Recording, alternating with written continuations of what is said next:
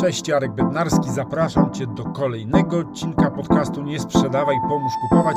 Dzisiaj porozmawiamy sobie o spotkaniu handlowym a w szczególności dzisiaj właśnie zwrócimy uwagę na nawiązywanie kontaktu. Na początek w kwestii wyjaśnienia. W swojej karierze zawodowej poznałem wiele osób, zarówno pracując jako handlowiec w różnych branżach, jak i jako trener w ciągu 22 lat rozmawiałem z wieloma firmami, z wieloma handlowcami, z wieloma osobami zarządzającymi firmami, a także z ich klientami. I tym, co zawsze mnie spotykało, z czym się zderzałem, można powiedzieć, na co dzień swojej pracy, było: Panie Arkadiuszu, ale czy pan zna specyfikę naszej branży? Bo nasza branża jest inna, bo nasi klienci są inni, bo nasze produkty są inne, bo nasze produkty są specyficzne i tak dalej, i tak dalej. Co prawda, przygotowując się do szkolenia, zawsze rozmawiam z osobami zarządzającymi firmą, zawsze staram się rozmawiać z handlowcami i o ile to możliwe, także z klientami tej firmy, żeby dowiedzieć się właśnie na temat tej specyfiki. I powiem, że przez te wiele lat przeprowadziłem multum różnego rodzaju ankiet, multum różnego rodzaju rozmów i spotkań. I poszukiwałem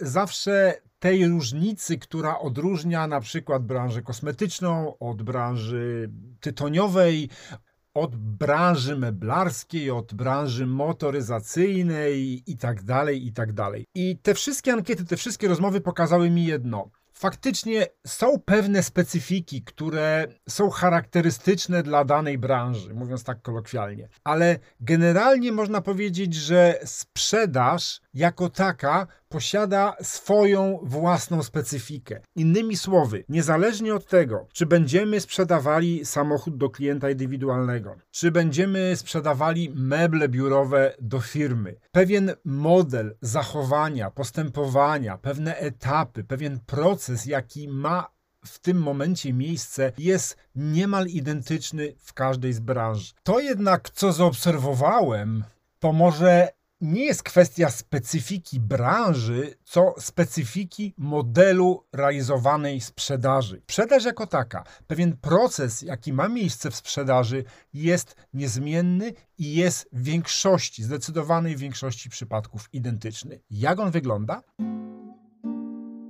Być może nie jest to pierwszy podcast, którego słuchasz na temat sprzedaży. Być może czytałeś też wiele książek na ten temat i byłeś na wielu szkoleniach i na pewno spotkałeś się z różnymi modelami sprzedaży. Oczywiście można ująć sprzedaż w określone modele. Niemniej jednak ja się przez lata nauczyłem tego, że na sprzedaż można spojrzeć jako na pewien proces, w którym miejsce mają pewne etapy. Pierwszym etapem jest zawsze zbudowanie określonych relacji z klientem i to można robić na różne sposoby w różnych branżach i tak dalej, będziemy mówili o tym dalej. Trzeba doprowadzić do etapu uświadomienia potrzeby, ewentualnie zbadania potrzeby. Kolejnym etapem będzie pokazanie klientowi, uświadomienie mu, że tę potrzebę może zaspokoić naszym produktem, naszą usługą czy naszym rozwiązaniem, łącznie z tym, że zaprezentujemy ten produkt, usługę lub rozwiązanie. I ostatnie to jest sfinalizowanie transakcji poprzez przyjęcie zapłaty za ten produkt lub podpisanie jakiejś umowy. I faktycznie proces ten, w zależności od specyfiki funkcjonowania danej firmy, pewnej specyfiki narodowej, pewnych trendów, które w danym momencie na rynku istnieją, czy specyfiki samych produktów czy usług, może zamknąć się w jednym spotkaniu lub rozciągać się na wiele miesięcy. I tutaj bardziej trzeba poszukiwać tej specyfiki z jednej strony, z drugiej strony specyfiki trzeba poszukiwać w modelu komunikowania się, w sposobie dotarcia do klienta, czyli na przykład przykład inaczej troszeczkę będzie wyglądał model sprzedaży przez internet, na przykład odzieży, a inaczej będzie wyglądała sprzedaż, na przykład linii technologicznej. Gdybym zatem chciał się wznieść ponad wszystkie modele, jakie funkcjonują na rynku sprzedawania, Podzieliłbym sprzedaż, ten proces na takie cztery główne etapy. Pierwszy to jest nawiązanie kontaktu i zbudowanie relacji, drugi to jest w pewnym sensie zbieranie informacji i uświadamianie potrzeb, jednocześnie czasami od razu się uświadamia potrzeby, ale jest to ten moment. Trzeci, przedstawienie propozycji i prezentacja rozwiązań, no i czwarty etap, o którym wspominałem wcześniej już, zamknięcie sprzedaży i też utwierdzenie klienta w podjętej decyzji, ale o tym będziemy mówili w kolejnych dalszych odcinkach tego podcastu. I teraz, gdybyśmy się na przykład przyjrzeli wspomnianej sprzedaży odzieży przez internet, Etap pierwszy, nawiązanie kontaktu i zbudowanie relacji. On bardzo często albo w ogóle czasami nie odbywa się w sposób bezpośredni. Czyli budujemy sobie relacje z tym klientem poprzez określone działania marketingowe w sieci i przywiązujemy go do siebie, przyciągamy go do siebie na, na stronę internetową, oferujemy mu różnego rodzaju rabaty, jakieś programy lojalnościowe i tak dalej, i tak konsultacje indywidualne i tym podobne. Oczywiście uświadamiamy temu klientowi też potrzeby poprzez w określony sposób prezentowanie tej oferty, poprzez określonego rodzaju środki perswazji i tym podobne. Etap trzeci, przedstawienie propozycji i prezentacja, która też odbywa się już w internecie, czyli klient może zobaczyć ten produkt, może zobaczyć jakąś modelkę, może zobaczyć jakiś film i tak dalej. Etap czwarty, zamknięcie sprzedaży, czyli pokazanie, że kliknij tu, idź do koszyka i tak dalej. Czyli można powiedzieć, że model jest taki sam, tylko on inaczej wygląda. Inaczej to będzie wyglądało we wspomnianej sprzedaży linii technologicznej, gdzie ten etap pierwszy nawiązania kontaktu, zbudowania relacji bardzo często długo trwa. Spotykamy się wielokrotnie z klientem, rozmawiamy, czasami idziemy na jakąś, na jakąś kawę, na jakiś lunch, poznajemy się bliżej, poznajemy jego firmę, zaczynamy zadawać różnego rodzaju pytania, staramy się y, drążyć tematy, staramy się pokazywać wstępnie jakieś rozwiązania tych jego potrzeb, które poznajemy, ewentualnie uświadamiać potrzeby, czyli jak na przykład jest to dobry handlowiec, który się świetnie orientuje w rynku, gospodarce, produktach, branży, to on doskonale wie, co w danym momencie jest potrzebne na rynku jakie są trendy i może w pewnym sensie pokazać klientowi, uświadomić tę potrzebę, że on też powinien w tym kierunku przejść, bo to jest dla niego opłacalne. Etap trzeci jest to przedstawienie propozycji i prezentacja. Bardzo często odbywa się to w postaci albo prezentacji takiej typowej PowerPointa, albo w postaci pokazu y, danego modelu, jak on funkcjonuje, ewentualnie przekazaniu nawet do testu produktu, który byłby, byłby zbliżony albo bardzo podobny do tego, który proponujemy zamontować u klienta. No i na koniec finalizacja sprzedaży poprzez podpisanie umowy i przyjęcie zapłaty w różny sposób, czy to mm, gotówka, w postaci przelewu, czy to system ratalny, czy system leasingu, czy być może też system wynajmu długookresowego i tak dalej. Czyli jak widzimy, te modele są bardzo podobne, niezależnie od tego, jaka to jest branża. I teraz bardzo ważna uwaga, mianowicie każdy z tych czterech etapów jest ważny i każdy ma swoje określone miejsce w tym procesie sprzedaży. Innymi słowy, nie możesz zamykać sprzedaży, nie dokonując uprzednio prezentacji tego, co masz do zaoferowania. Nie możesz zaoferować czegoś, jeżeli nie dowiesz się, że to mu cokolwiek da, w czymś mu ułatwi życie, czy ułatwi biznes jednak nie wiesz, czy jest mu to potrzebne lub będzie mu to potrzebne, jeżeli najpierw nie zdobędziesz informacji na temat jego i jego potrzeb. I wreszcie nie dowiesz się niczego, jeżeli twój potencjalny klient nie będzie chciał z tobą rozmawiać. Spotyka się niestety wciąż sytuacje, kiedy handlowcy starają się od razu przejść do etapu trzeciego, czyli etapu prezentacji.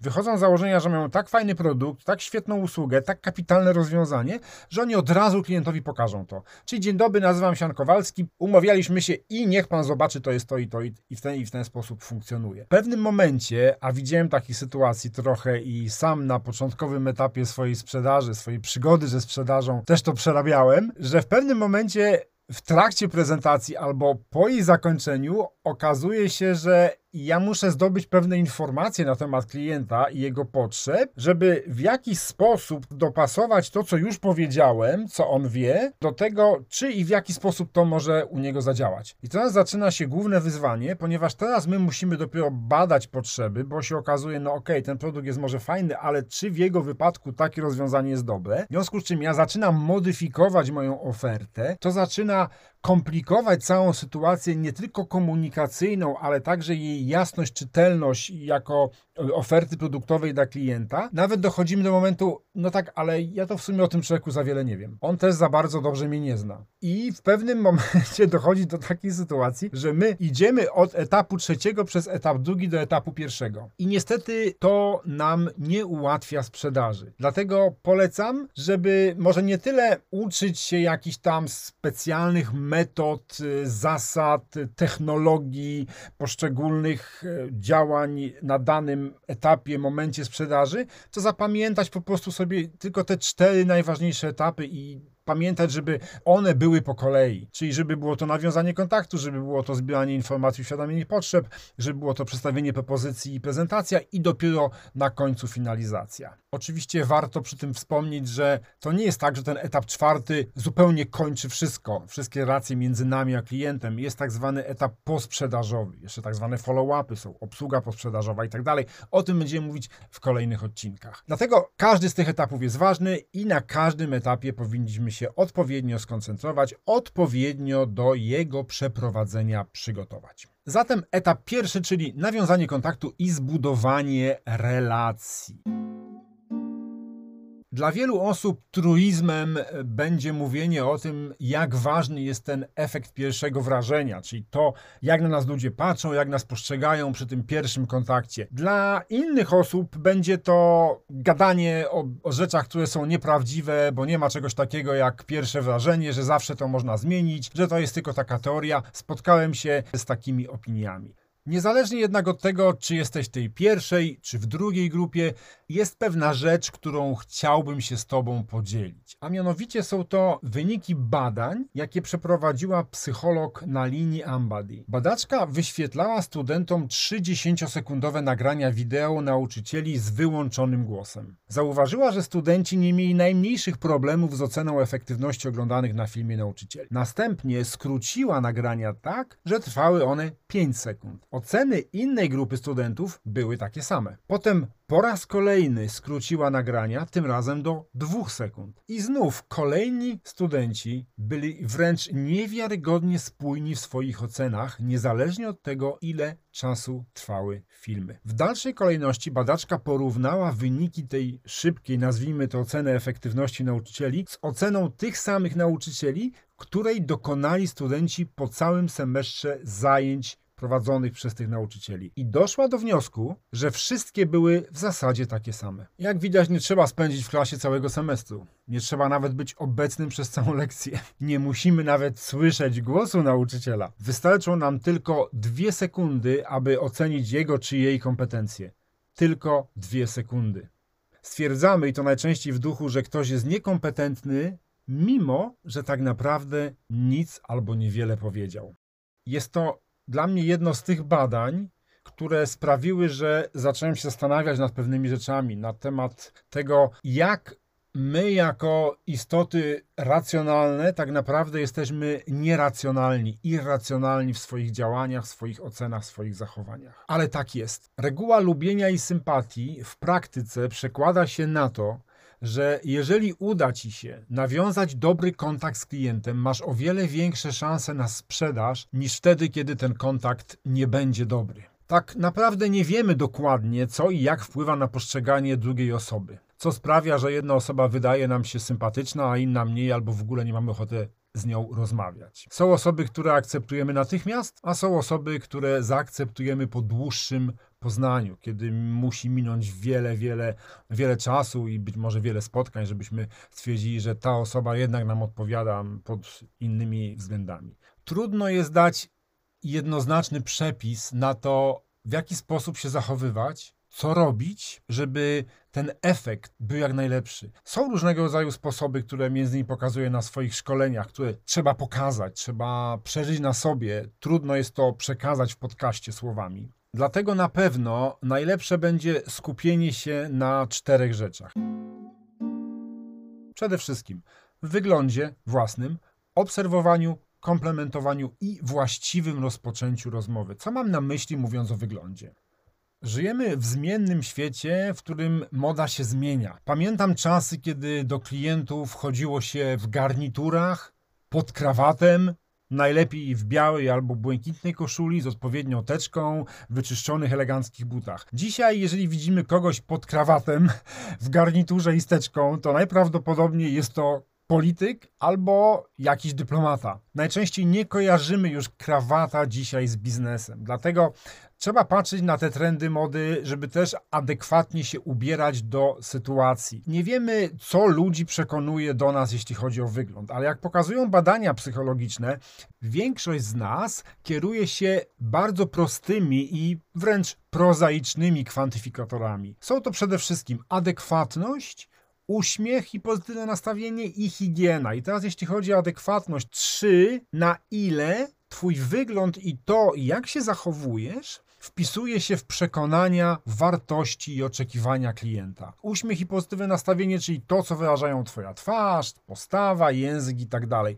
Generalnie lubimy ludzi pozytywnych, uśmiechniętych i miłych. Kolejna sprawa to higiena, czyli tutaj chyba dla wszystkich to jest jasne. Chodzi bardziej o to, żeby nie przesadzać też w drugą stronę, czyli nie dbać za bardzo o siebie w sensie takim, żeby nie nadużywać perfum, kremów do rąk, które zostają potem klientowi w ręce, ale żeby generalnie dbać o swój wygląd, żeby być schludnym, estetycznym i czystym. Takie rady wydają się oczywiste i wręcz banalne, ale niestety obserwacja rynku pokazuje, że nie są takie oczywiste dla wielu osób. Jak pokazują wcześniej wspomniane badania i wiele innych badań, jesteśmy postrzegani, oceniani głównie poprzez pryzmat naszych postaw, a nie kompetencji. Oczywiście nie należy tego rozumieć w ten sposób, że nie musi się znać na rynku, nie musi się znać na produkcie, nie musi się znać na potrzebach klienta itd., tak itd. Tak Ta wiedza jest niezbędna, ona jest po prostu istotna, żeby w ogóle produkt sprzedać. Ale jeżeli Twoja postawa i Twój wygląd w pierwszym kontakcie z drugim człowiekiem są dla niego nie do zaakceptowania, to jest raczej spore prawdopodobieństwo, że nie uda Ci się doprowadzić do dalszej części spotkania o finalizacji już nawet nie wspominając. Nasza postawa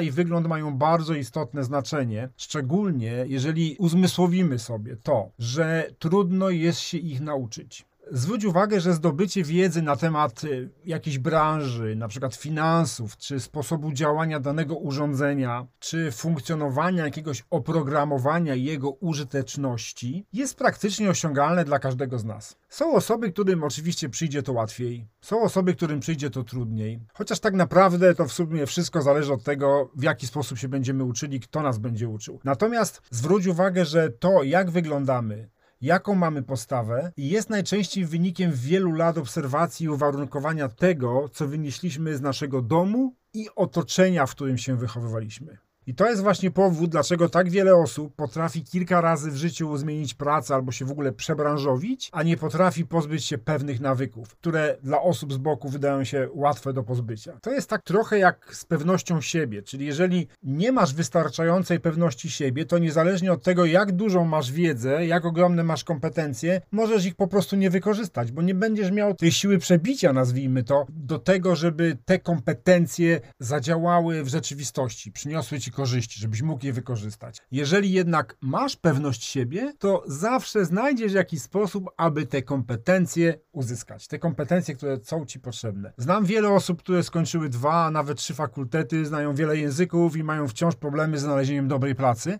a są osoby takie, które nawet nie skończyły studiów, a bardzo dobrze sobie funkcjonują, prowadzą świetne firmy, są kapitalnymi sprzedawcami i radzą sobie w życiu o wiele lepiej. Jeśli chodzi o wygląd, o strój, to w co się ubieramy, to tak naprawdę nie ma jednoznacznego, idealnego, najlepszego przepisu na to, jak wyglądać. Ja mam taki swój własny sposób, ale to jest tylko mój własny sposób. Zawsze, jak idę po raz pierwszy do firmy, ubieram się tak samo, czyli ubieram jeansy, ubieram marynarkę, ubieram koszulę bez krawata i obserwuję, jak się ludzie zachowują w firmie, jak ludzie wyglądają w firmie. Jeżeli nie mam pewności, to zawsze pytam, jak, jaki u Państwa jest dress code, jakie stosujecie ubranie i jeżeli przyjeżdżam już na szkolenie na przykład, to wtedy ubieram się tak jak reszta. Oczywiście bez przesady, bo jeżeli oni chodzą w strojach służbowych, służbowo-roboczych, jak to się kiedyś mówiło, to oczywiście ja nie będę ubierał kasku ani jakiejś koszulki odblaskowej, no tylko mogę ubrać marynarkę czy ewentualnie sweter. Także ważne, żeby się dostosować, to jest jedna kwestia. Druga kwestia to jest czystość, bo tak naprawdę nawet nietrafiony ubiór rekompensowany jest przez jego dobry stan. A to różnie bywa. Kolejna kwestia to jest adekwatność, czyli ten ubiór powinien być adekwatny, czyli to, co już wspomniałem przed chwilą na temat tego, w jaki sposób ja się ubieram, tak? Czyli staram się być adekwatny. I tak samo chodzi o to otoczenie nasze, żeby ono było adekwatne. Jeżeli ja podjeżdżam do potencjalnego klienta i sprzedaję odkurzacze, czy sprzedaję jakieś urządzenia gospodarstwa domowego w sposób bezpośredni, ten człowiek, który nie zarabia być może zbyt dużo pieniędzy, widzi, że ja podjeżdżam jakimś luksusowym samochodem, jeszcze z logo firmowym na boku, no to